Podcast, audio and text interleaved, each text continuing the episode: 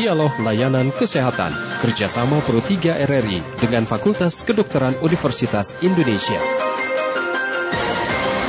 Tips menggunakan kacamata dengan baik dan benar menjadi topik kita dalam dialog layanan kesehatan COVID-19 program kerjasama Fakultas Kedokteran Universitas Indonesia dan RRI. Dan narasumber yang akan berbincang bersama kami pada pagi hari ini adalah Dr. Dr. Tri Rahayu SPMK Vehicle. Dan silakan nanti Anda kami undang untuk dapat berinteraksi bersama dengan narasumber kami tentunya di 021 352 3172 atau di 021 384 4545 serta di 021 386 6712. Segera kita mulai dialog layanan kesehatan COVID-19. Selamat pagi, Dr. Tri Rahayu pagi dengan Mas Rudi ya. Iya, bagaimana dok kabarnya pagi hari ini? Alhamdulillah sehat. Semoga ya. Mas Rudi juga seluruh pendengar semua sehat ya. Alhamdulillah. Mudah-mudahan kami sehat semua dok. Ya. Amin. Ya, ini tema kita sangat menarik sekali dan mungkin juga banyak yang belum memahami atau belum menyadari pentingnya untuk memilih atau menggunakan kacamata dengan baik dan benar. Kalau Dokter Tri sendiri uh, amati selama ini apakah atau bagaimana tingkat kesadaran atau pemahaman masyarakat kita dalam memilih atau menggunakan kacamata itu sudah baik dan benar belum, dok? Iya, jadi eh, tentang tips pemilihan kacamata di masyarakat ini sangat beragam ya, Mas eh, Rudi ya, dari masyarakat yang eh, mungkin menengah itu biasanya ada yang memilih kacamata yang murah. Nah, Artinya sesuai dengan keterjangkauan, ya. bukannya yang murah itu jelek juga, mm-hmm. tetapi ada hal-hal yang harus diperhatikan. Boleh murah, tetapi harus tepat dalam hal lensanya. Lensanya ukurannya harus tepat, mm-hmm. kemudian kualitas lensanya juga harus yang cukup baik ya, mm-hmm. sehingga tidak menimbulkan glare, silo dan sebagainya. Dan uh, ukuran kacamatanya harus tepat, kemudian fittingnya juga harus tepat. Hmm, jadi ada fittingnya juga dok ya, atau yeah. fitting itu hmm. mungkin bisa di uh, mencoba untuk dudukan di mata kita, di telinga kita itu benar-benar lebih kedudukan, kedudukan ya di wajah sehingga hmm. menyebabkan titik fokus dari lensa kacamata itu uh, terletak tepat sesuai dengan pupil mata penggunanya. Hmm, jadi tadi ada pemilih lensa yang tepat dengan pemeriksaan atau ukuran yang dibutuhkan yang ukuran tepat, juga yang bahkan tepat. juga disarankan untuk memilih kualitas lensa yang baik juga dok ya? Iya. Selain itu fitting juga menjadi penting dalam hal ini.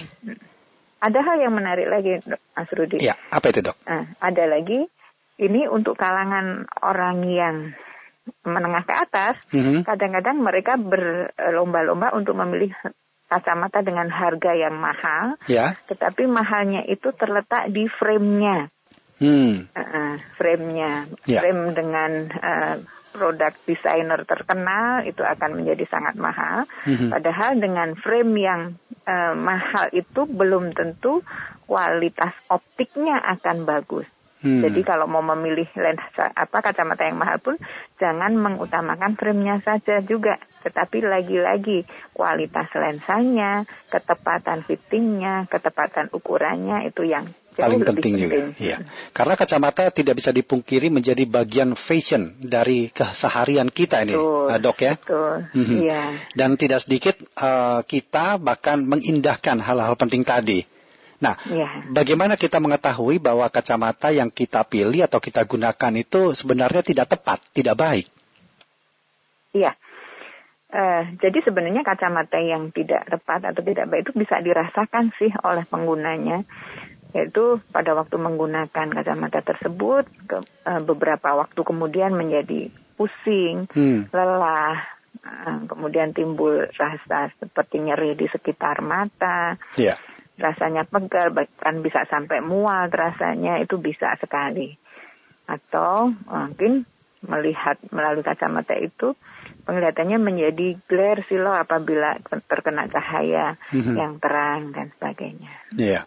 Baik, kita undang kembali pendengar dok ya untuk bisa berinteraksi di pagi hari ini ya, di 021 352 3172, kemudian di 021 384 4545, serta di 021 386 6712. Sudah ada Pak Nur Hadi di Bekasi. Selamat pagi Pak Nur Hadi. kasih. Selamat pagi. Bung Rudi. Dokter Tri, selamat pagi.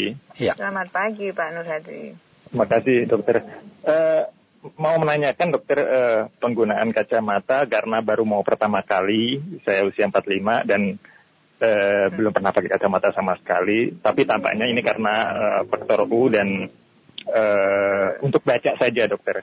Maksudnya kalau untuk membaca yang eh, jauh malah bisa segala macam, tapi hanya untuk membaca, saya ambil contoh misalnya eh, apa cetakan begitu ya, artinya koran atau apa, tapi dengan huruf yang tertentu saja. Kalau hurufnya a- jenisnya Arial masih kebaca, tapi begitu Times Roman yang berukir-ukir begitu, agak ya agak agak sulit eh, pada jarak tertentu. Nah, eh, dokter ada saran kan apa ya kalau saya untuk pertama kali begitu? Baik. Iya. Eh, ada yang mau di amnese sedikit dokter ke saya sebelum saya Iya, turun? eh, sepintas sih saya sudah insya Allah menangkap Cukup jelas bahwa ya, Bapak dokter Nur ya. Hadi Iya. ini adalah eh, penyandang rabun usia eh, yang dini ya umur 45 Iya. Mohon tahun sebelumnya jauhnya bagus deh, ya. Pak Nur. Hadi ya. Iya. Nah, ini adalah persoalan eh, normal atau wajar. Ini bukan penyakit ya. Jadi Iya.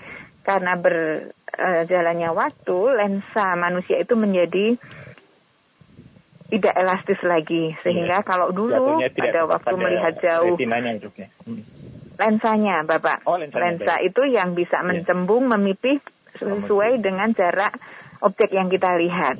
Iya. Baik. Kalau kita melihat jauh, lensa kita itu akan normal pipih, Hmm. ya. Kemudian pada waktu melihat dekat, karena cahaya itu eh, berjalannya menyebar divergen pada waktu masuk ke mata, kalau lensa kita tidak mencembung, akibatnya fokusnya menjadi terletak di belakang retina.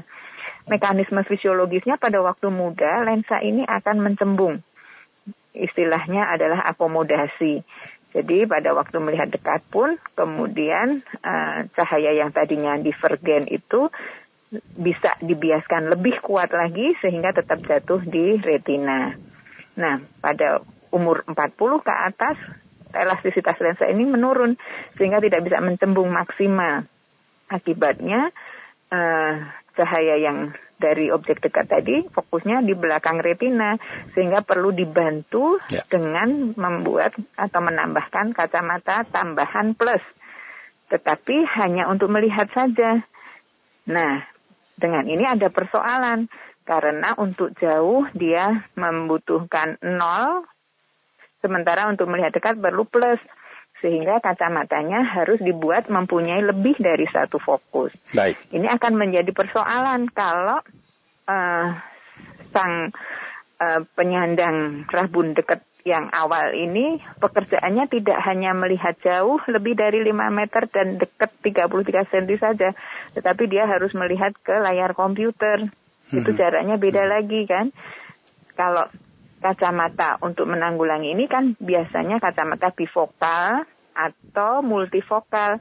Bifokal itu kacamatanya bagian atas itu untuk melihat jauh dengan bagian bawah terpisah oleh suatu garis itu untuk melihat dekat. Yang orang juga nggak suka sekarang kayaknya kelihatan tua dalam tanda kutip ya. Ya. Dan itu bukan hanya kosmetik saja, tetapi dia tidak mengatasi kebutuhan untuk melihat jarak menengah, yaitu sekitar 60 cm sampai 1 meter untuk melihat layar komputer. Sehingga orang yang memerlukan berbagai jarak penglihatan ini akan lebih nyaman menggunakan kacamata multifokal atau progresif. Tetapi memang perlu penyesuaian juga karena kacamata lensa progresif itu akan memberikan efek bergelombang di bagian pinggirnya. Ya. Jadi perlu adaptasi. Baik. Kita kembali terima pendengar dok ya dan kami akan tampung dua pendengar terlebih dahulu nanti baru akan langsung dijawab oleh Dr. Tri Rahayu. Silakan. Berikutnya ada Pak Udin di Boyolali. Selamat pagi Pak Udin. Selamat pagi, Assalamualaikum warahmatullahi wabarakatuh. Waalaikumsalam warahmatullahi wabarakatuh. Silakan Pak Udin. Ibu Dokter Tri Rahayu. Ya. Salam sehat semangat. Eh, sebenarnya apakah benar orang yang misalnya eh, matanya min atau matanya plus gitu pakai kacamata gitu ntar min atau plusnya gitu eh, bisa hilang demikian terima kasih Baik. assalamualaikum warahmatullahi wabarakatuh Waalaikumsalam warahmatullahi wabarakatuh. Berikutnya ada Ibu Emma di Jakarta Timur. Selamat pagi Bu Emma. Selamat pagi. Iya. Selamat pagi, Dok. Pagi. Nah, saya Ibu Emma. Saya udah tua, Dok. Udah 65 tahun umur saya. Dan saya sudah lama sekali berkacamata. Jadi saya kalau nggak pakai kacamata nggak bisa lihat jauh, nggak bisa lewat dekat. Tapi, mohon maaf, saya nggak pernah ke dokter mata, Dok. Jadi saya kalau mau kacamata, saya ke optik aja. Jadi situ diukur mata saya dan segala macam dan nanti eh, sudah sesuai dengan apa yang saya rasakan baru dikasih kacamatanya. Apakah itu sudah betul dok? Apa saya harus ke dokter mata atau sudah cukup di optik saja? Tapi selama ini saya ke optik saja, ya kayaknya pas-pas aja dok. Eh, artinya bisa melihat jauh, bisa melihat dekat dengan Ya. eh, dengan cara saya ke optik itu yang diukur yang ada di optik itu. Itu saja pertanyaan saya. Terima kasih dok. Selamat pagi. Baik, terima kasih Bu Emma dan nanti silakan pendengar Anda dapat kembali menghubungi kami di 021 352 3172 atau di 021 384 4545 di dan di 021 386 6712. Silakan Dokter Tri untuk bisa menjawab dari dua pendengar kami tadi. Ya, terima kasih Mas Rudi. Untuk Pak Udin di Boyolali dan mungkin juga ini mitos yang beredar di eh, masyarakat bahwa penggunaan kacamata minus ataupun plus itu bisa menghilangkan kebutuhan kacamata atau menghilangkan minus plusnya itu adalah tidak benar. Karena mata minus dan plus itu sebenarnya persoalan optik eh, yang dipengaruhi oleh bentuk bola mata dalam hal ini kornea, lensa, dan panjang bola matanya penggunaan kacamata tentu tidak akan bisa merubah bentuk itu ya Bapak Udin ya. Jadi tidak benar bahwa penggunaan kacamata itu bisa menghilangkan minus dan plus. Jadi cuman minus dan plus memang bisa berubah karena usia, karena eh, eh, perubahan-perubahan anatomi di mata itu bisa terjadi ya. Tapi Ya. bukan karena penggunaan kacamatanya.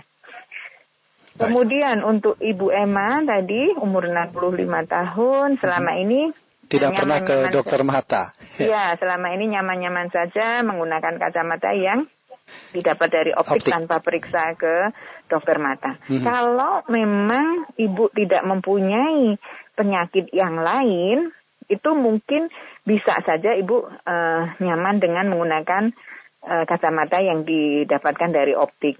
Namun apalagi untuk usia eh, sudah mulai di atas 50 tahun, persoalan mata itu bukan hanya persoalan kacamata saja. Ada beberapa penyakit degeneratif yang bisa terjadi yang tentu saja tidak akan terdeteksi kalau kita hanya eh, melakukan pemeriksaan refraksi artinya pengukuran kacamata di optik. Karena ada beberapa eh, degenerasi apalagi glaukoma ringan itu tidak bisa terdeteksi dengan pemeriksaan di optik, maka di situlah perlunya dilakukan pemeriksaan ke dokter belum lagi cukup untuk seseorang itu belum tentu sama dengan standar normalnya ya. Misalnya orang yang agak buram sedikit itu bagi orang-orang yang tidak terlalu harus melihat detail itu dirasa cukup. Tetapi kalau untuk mengetahui apakah penglihatannya itu mencapai rata-rata sama dengan orang normal, tentu saja eh, akan ada eh, pemeriksaannya begitu. Jadi kalau nggak ada persoalan apa-apa mungkin cukup. Tetapi kita tidak pernah tahu dan mudah-mudahan juga tidak ada penyakit-penyakit lain yang harus dideteksi lebih dini yang tidak cukup hanya dengan pemeriksaan di optik saja. Begitu Mas Rudi. Ya, baik. Tapi eh, kita sapa lagi pendengar dari Jogja kali ini ada Ibu Sri. Selamat pagi Ibu Sri. Ya, selamat pagi Mas, selamat pagi dokter. Ya, selamat pagi Mas, selamat pagi dokter. Ya, silakan Ibu. Nah, saya Ibu Sri usia 80 ya. Nah, subhanallah. Ya, saya saya Ibu Sri usia 80 sudah sejak se- Ya, Ibu langsung mohon maaf volume radionya bisa dikecilkan dulu Ibu ya, Sri. ya, ya, sudah sudah ya. Baik, silakan Eh, Ibu. Terima kasih. Saya usia 80, sudah 10 tahun menderita retina ya. Sudah suntik beberapa kali dok. Apakah menderita retina? Jadi saya sekarang tidak bisa baca karena kalau yang fokus saya lihat itu nggak kelihatan. Dan tulisannya memang ya nggak kelihatan ya. Tapi kiri kanan kelihatan ya dokter. Kemudian eh, apakah itu bisa ditolong dengan kacamata? Ya. Terima kasih dokter atas penjelasannya. Sebetulnya saya tiap bulan kontrol. Tapi ini sudah selama pandemi sudah satu setengah tahun tidak pernah kontrol. Kemudian ya bleret ya dok. Ya dengan uh, usia juga ya saya sudah 80 Iya. tapi masih Sehat ya, masih begini. boleh. Iya. Iya, masih Luar biasa Ibu. Sri ini, masih sehat sekali. Terima kasih. Ya. Iya. Tetap sehat Ibu Sri ya. Ya.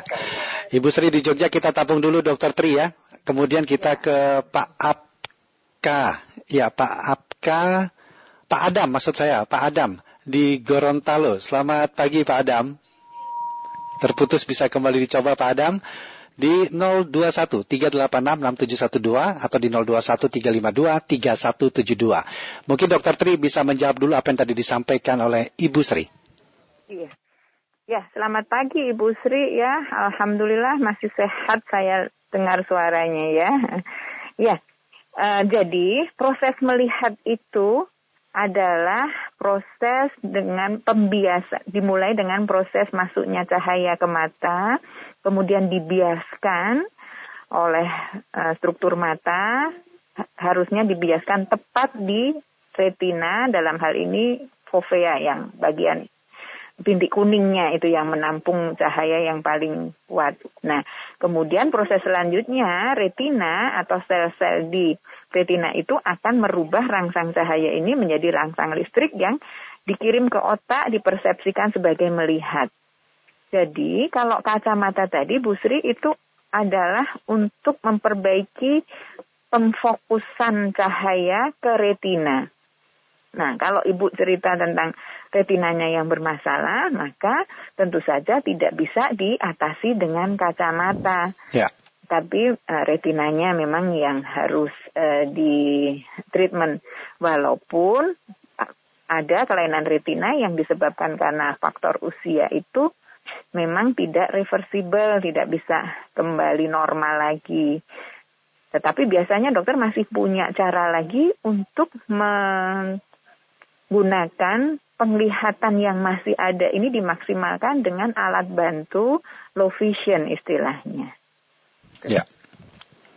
Baik, baik, Dokter Tri. Ini saya ingin uh, berbagi sedikit cerita dan mungkin nanti juga bisa ada masukan mungkin dari dokter karena saya juga pengguna kacamata. Selama ini saya me- memang tidak pernah memeriksakan mata ke dokter mata karena bagi saya mungkin ke dokter mata jika ada kelainan. Tetapi kalau untuk penggunaan kacamata saya cukup ke optik. Nah, untuk beberapa optik saya coba. Kemudian terakhir saya memang uh, coba mengunjungi sebuah optik yang menawarkan alat canggih dalam pemeriksaan mata untuk keakuratan. Apakah itu sudah cukup dok di sana? Ya, lagi. Ah, selama pemeriksaannya di optik, itu baru memeriksa salah satu aspek dari kesehatan mata, Mas Rudi ya. Mhm. Dalam hal ini ya hanya kebutuhan untuk eh, persiapan kacamata. Tetapi untuk deteksi masalah-masalah yang lain itu belum dilakukan.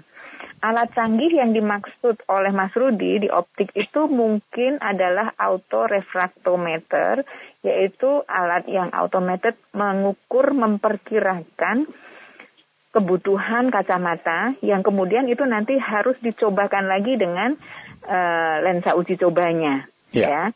Jadi eh, itu masih baru melihat salah satu aspek saja, Mas Rudi. Masih belum melihat aspek-aspek yang lain. Tadi retina, seperti kalau Bu Sri tadi, eh, kemudian tekanan bola mata, kemudian mungkin faktor yang sekarang lagi emerging adalah dry eyes. Itu tentu tidak akan terjaring di optik ya, Mas Hmm. Rudi. Hmm, Ya.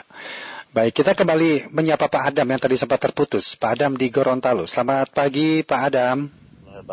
Selamat pagi. Iya. Silakan Pak Adam dengan Dr. Tri Rahayu. Wabarakatuh. Eh, Bu Dokter, oh, mohon penjelasan Pak. Ini kacamata ini saya baru dengar juga. Ada sekarang kan kacamata anti radiasi. Eh, anak saya juga adain karena suruh beli, jadi mencegah jangan sampai terjadi radiasi. Bagaimana itu Pak? Nah saya si SMP itu. Kacana anti radiasi. Yang kedua, kalau yang punya katarak, asupan gizi apa yang cocok untuk disuplai makanan itu Pak mencegah itu eh, untuk mencegah penyakit mata. Assalamualaikum warahmatullahi wabarakatuh. Waalaikumsalam warahmatullahi wabarakatuh. Terima kasih Pak Adam di Gorontalo. Bagaimana dok?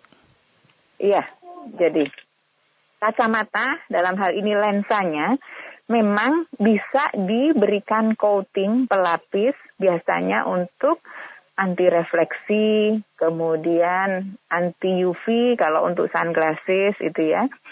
E, sementara yang sekarang banyak ditawar-tawarkan adalah anti radiasi dalam arti blue light filter ya yang untuk mencegah e, paparan berlebihan dari blue light dari uh, devices uh, eh, HP, komputer, laptop gitu ya.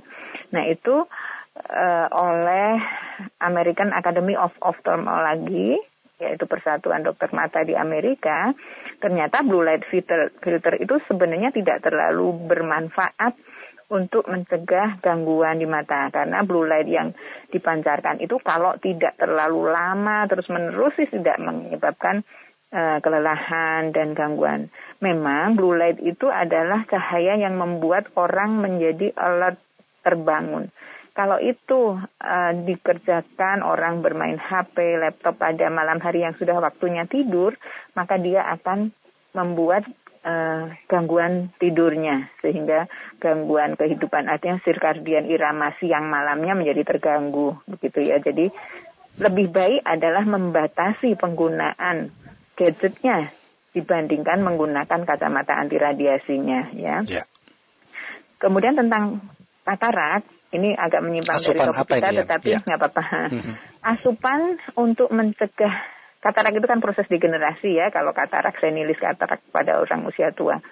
Untuk mencegah degenerasi itu bisa uh, menambah asupan antioksidan biasanya yang cukup mengandung vitamin C, vitamin uh, E, ya kombinasi antara vitamin C dan E itu uh, sudah diteliti bisa menghambat uh, kejadian katarak. Memperlambat ya artinya bukan bukan mencegah sama sekali hmm. karena itu proses degenerasi yang tapi memperlambat dengan asupan vitamin E yang tepat yang cukup hmm. itu bisa memperlambat sama, dok ya? Hmm. ya sama. Proteksi dari sinar ultraviolet karena memang proses degenerasi itu dipicu oleh uh, paparan ultraviolet Ya. Jadi kalau keluar di siang terik ya pakai sunglasses, pakai topi gitu ya. Baik. Dok, ini juga ada pertanyaan melalui WhatsApp kami yang menanyakan dari Ibu ya dari Ibu Wida. Kalau kacamata diganti dengan soft lens dan digunakan setiap hari, ini bagaimana, Dok?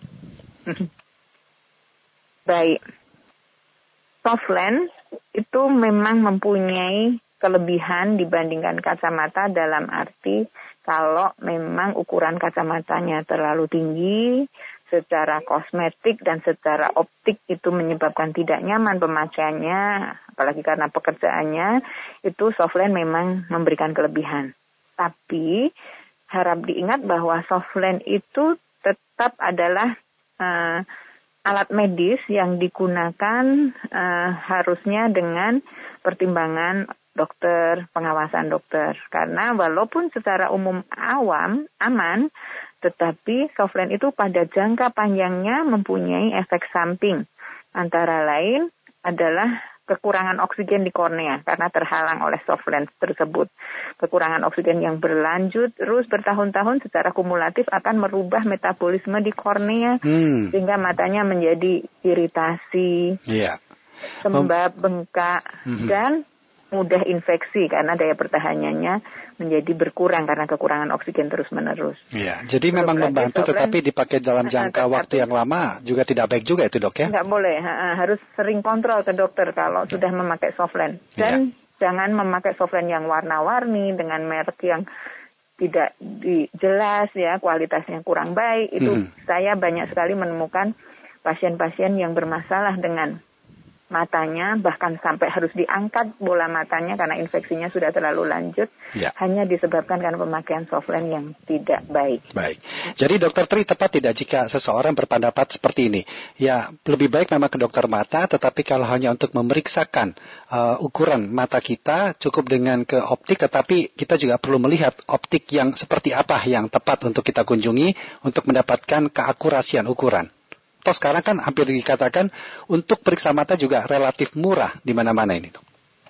Ya, hmm. jadi eh, mohon diingat saja bahwa sebenarnya uh, optik dalam hal ini yang bertugas di optik adalah refraksionis optician itu adalah salah satu tim dari petugas kesehatan mata. Jadi ya uh, selain periksa di optik, mungkin secara periodik pada umur tertentu, umur-umur kritis, umur anak-anak itu harus periksa ke dokter. Nanti di atas umur 40 tahun juga harus uh, rutin periksa ke dokter. Ya, lantas se atau mungkin kapan tepat waktunya atau dalam periode berapa lama kita cukup atau perlu untuk memeriksakan mata kita ke dokter mata? Ya, tadi. Kalau pada anak-anak itu sebelum usia 6 tahun harus ke dokter mata.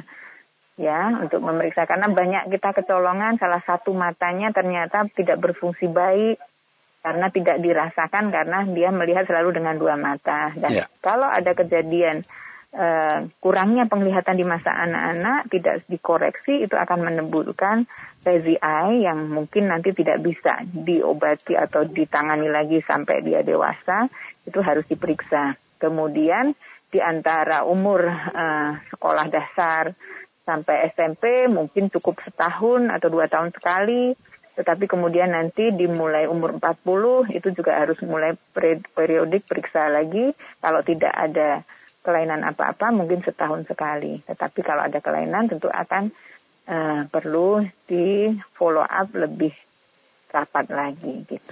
Ya, pesan yang bisa disampaikan dok di akhir perbincangan kita atau di akhir dialog kita pada pagi hari ini? Ya, uh, pesannya adalah uh, jelilah atau cermatlah dalam memilih kacamata. Uh, jangan hanya mengandalkan frame-nya saja dan harganya baik yang murah maupun terlalu mahal, tetapi kualitas uh, lensa serta kualitas fittingnya juga harus baik. Kemudian apabila dengan kacamata yang digunakan itu merasa tidak nyaman atau uh, ada yang tidak baik itu segera berikan periksalah ya. ke dokter. Tapi kalau untuk umur-umur tertentu memang harus wajib melakukan pemeriksaan follow up atau check up ke dokter. Ya. ya. Ada pertanyaan tertinggal dok, masuk ke uh, WhatsApp saya ini. Uh, mau bertanya, katanya kalau di luar negeri itu banyak kategori vision care dan setahu saya itu berbeda dengan optik. Apakah betul seperti itu dok? Ya, jadi kalau di luar negeri pelayanan kesehatan itu ada tingkatan oftalmologis yaitu dokter mata dan mereka ada optometris. Nah di Indonesia ini optometris nih belum ada nih. Yang ada adalah kita refraksionis optician. Vision care ini dikerjakan oleh optometris tadi. Nah kalau di Indonesia optik itu bukan vision care sebenarnya gitu. Baik. Baik, terima kasih Dr. Tri Rahayu sudah bersedia untuk mengisi dialog layanan kesehatan pada pagi hari ini, Dok. Terima kasih. Salam ya. sehat buat semua. Salam sehat untuk dokter dan keluarga dan sukses terus, Dok. Selamat pagi. Pagi. Demikian dialog layanan kesehatan COVID-19 bersama dengan Dr. Tri Rah, Dr. Dr. Tri Rahayu SPMK Vehicle dan terima kasih untuk Anda yang telah berpartisipasi dalam interaksi atau interaktif di dialog layanan kesehatan dan kami akan berjumpa esok hari dengan tema ataupun topik yang berbeda. Tetaplah bersama kami. Demikian dialog layanan kesehatan kerjasama Pro 3 RRI dengan Fakultas Kedokteran Universitas Indonesia. Acara ini bisa Anda dengarkan setiap Senin sampai dengan Jumat pukul 9.30 waktu Indonesia Barat.